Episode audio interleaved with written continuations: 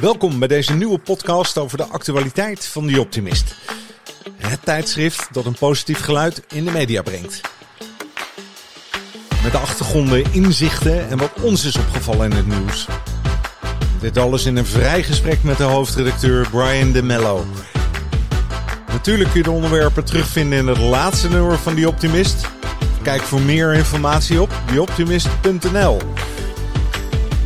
Deze podcast wordt eenmaal per twee weken gemaakt en mijn naam is Erik Hallers. Ja, en dat laatste nummer van de Optimist, dat is van november, december 2022. En we zijn bezig met de derde podcast. Vitaliteit bevorderen bij kanker, microdosing en waardenladers.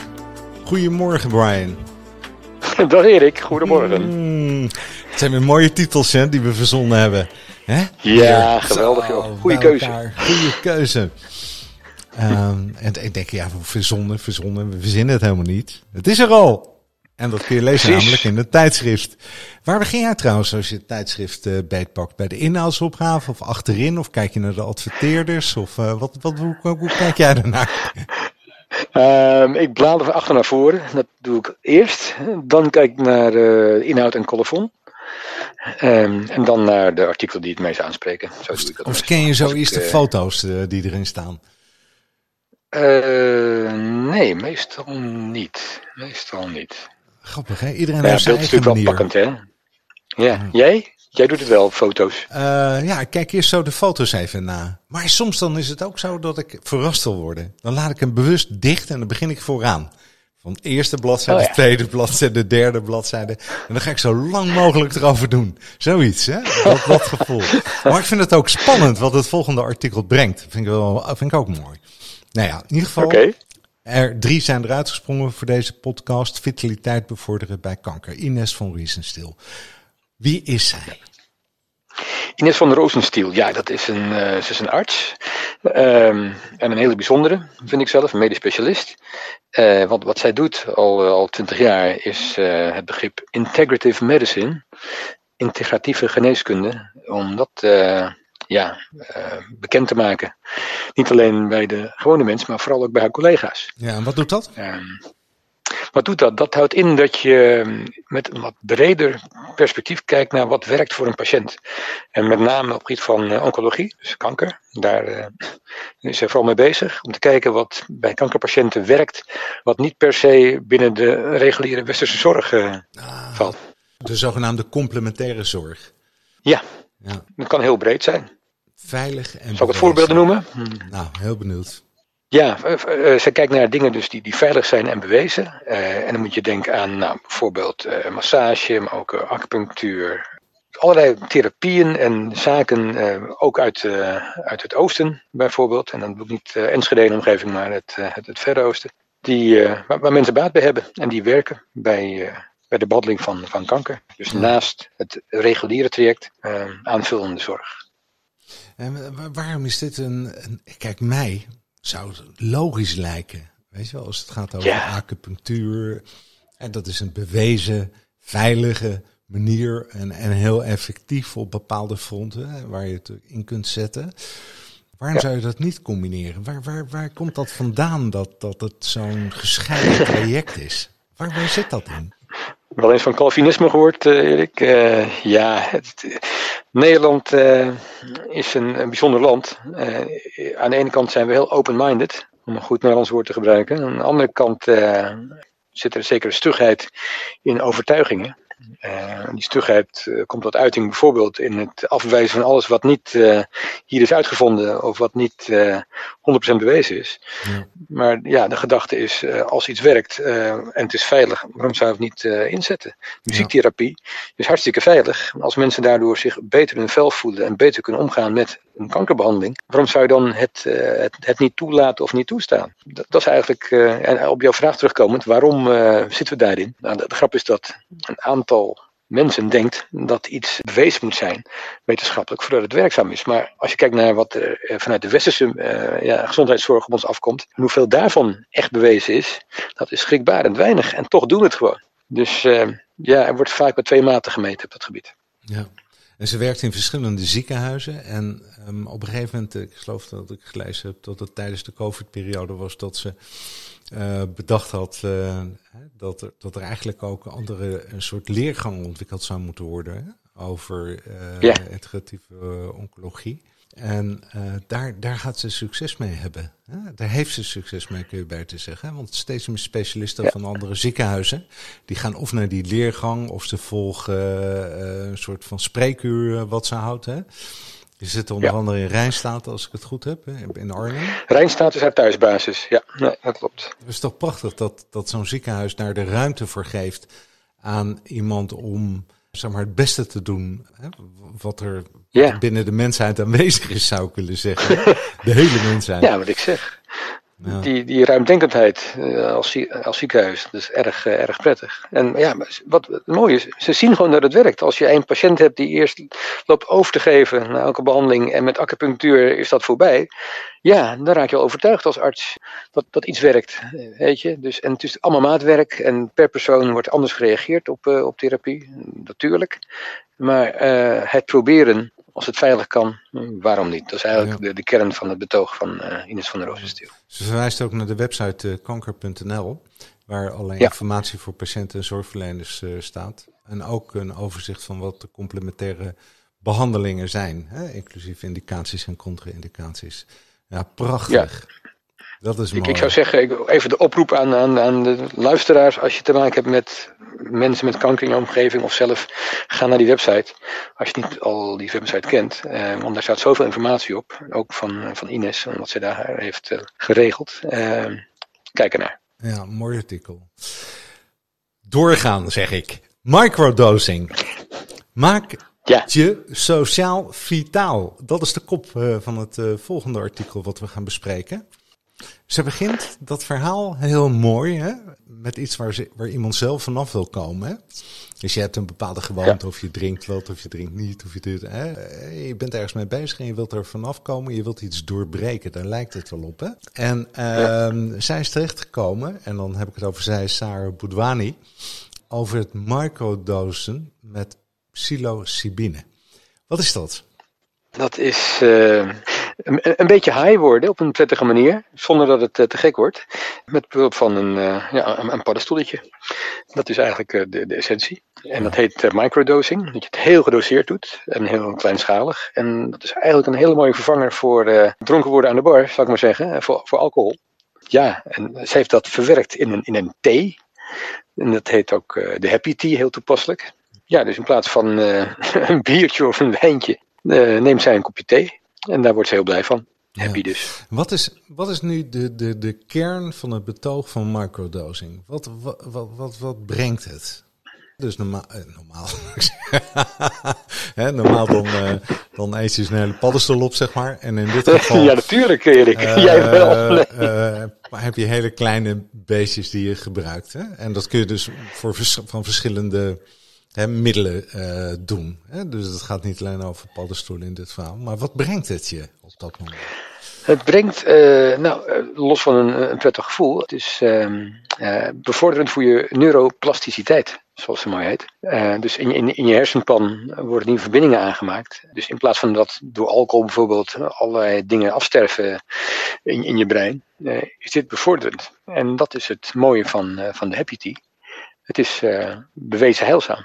Ja. Nou, dus iedereen die zich depressief voelt of niet lekker in zijn vel, uh, die kan gewoon aan, die, aan de thee. Ja, dat is eigenlijk de tip van, uh, van Sarah. Uh, en die is een hele community aan het, aan het vormen van mensen die die, die, die thee drinken.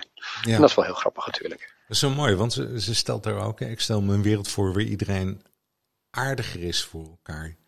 Hè? En waar je waardering ja. hebt voor elkaar en voor de planeet en voor simpele dingen. En uh, ze stelde eigenlijk dat op het moment dat je die, die vreugde en vrijheid voelt, dat dat ook enorm gezond is voor je mentale gezondheidswelzijn ja. en welbevinden.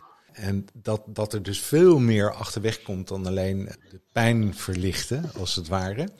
Hè, maar dat je mm -hmm. um, een soort openheid uh, creëert uh, bij jezelf. Om ja. misschien wel makkelijker door het leven te gaan. Misschien moet ik het, uh, moet ik het zo wel zeggen. Hè? Ja, dat heb je mooi gezegd, uh, ja. Erik.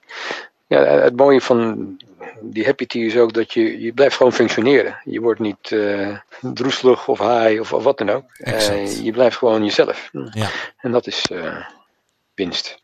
Je blijft bij jezelf. Is het verboden? Mag het eigenlijk? Het mag. Je kan, het is gewoon thee. Dus je kunt het gewoon aanschaffen. Ja, en in, in het artikel staat ook een, een bronnenlijst. Hè, waar je op een hele rij uh, terug kunt vinden van wat microdosing is, uh, uh, wat het doet en waarop je dat kunt doen. Nou, ehm, Brian, wat, wat, ik stel wat voor. Zullen we eens een kopje thee gaan drinken?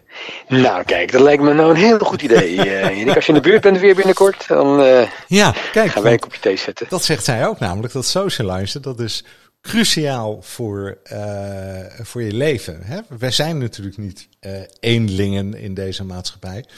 Hè? Wij uh, zijn onderdeel van een sociaal systeem en we zijn sociale ja. wezens. En we horen bij elkaar te zijn en niet ergens in een flat opgesloten. En maar wachten tot, hè, tot de brievenbus kleppert. Daar zijn de optimisten natuurlijk in zitten. heel goed, Erik, heel goed. Nee, maar volgende keer als ik bij jou kom, neem ik uh, voor jou Happy Tea mee. Dan Wil je dat doen? Samen een, uh, een kopje zetten, doe ik. Ja, bij ik, deze. Ik, ik, had er een jaar, twee jaar geleden ook van gehoord. En een vriend van mij, die is er ook mee uh, bezig. En die, die is er laaiend enthousiast over. En die oh, denkt, okay. die, dat is positief. Gaat, gaat gewoon veel, veel verder dan dat. Je weet trouwens dat er vroeger ja, in de jaren zeventig of zo waar die, was er een film van die artsen die uh, met LSD experimenteerden. En die zeiden, mm -hmm. ja, iedereen zou eigenlijk gewoon LSD moeten gebruiken. Want dan zou de wereld er een stuk uh, gezelliger en mooier uitzien, hè? En hoe is het daarmee afgelopen met die man? Nee, goed. Ja, dat is, ja, nee, dat is niet goed afgelopen natuurlijk. Hè? Maar hij heeft wel een mooie aanzet nee. gegeven in deze. hey, ja, er is een doorgeefcolumn als laatste. Sabine Uitslag, oud-verpleegkundige, ja. voormalig Tweede Kamerlid. En zij heeft de waardenladers uh, opgezet en die maken theaterproducties. Zij heeft dat ja. artikel geschreven, uh, een doorgeefkolom, dat is niet voor niets natuurlijk, waarom het een doorgeefkolom is. De hoeveelste is dat in rij trouwens? Poeh, even denken. Uh, uit mijn hoofd zeg ik nummer 6, maar het kan ook nummer 5 zijn. Uh, 1, 2, 3, 4. Ja, ik, ik denk nummer 6 inmiddels. Ja. Ja, en ik moet zeggen, het bevalt prima, dat doorgeven. Ja. Er komen steeds nieuwe mensen tegen. Ja. En, en je krijgt iedere keer weer een andere inzicht, hè? Of een nieuw idee, of een, uh, een ander verhaal. Ja. Of, uh, ik vind dat echt een, um, een, een, een magische uh, idee om een doorgeefkolom te hebben. Dank je. En magisch, omdat het ook gaat natuurlijk over soms zaken waar je nog nooit van gehoord hebt. Ze heeft het bijvoorbeeld ja. over de liminale fase. Wat is dat? De liminale fase. Weet je nog dat wij onlangs het evenement De Tussenruimte hadden in Antropia? Ja. Nou, dat gaat eigenlijk daarover. De, de tijd tussen twee tijdsperioden in.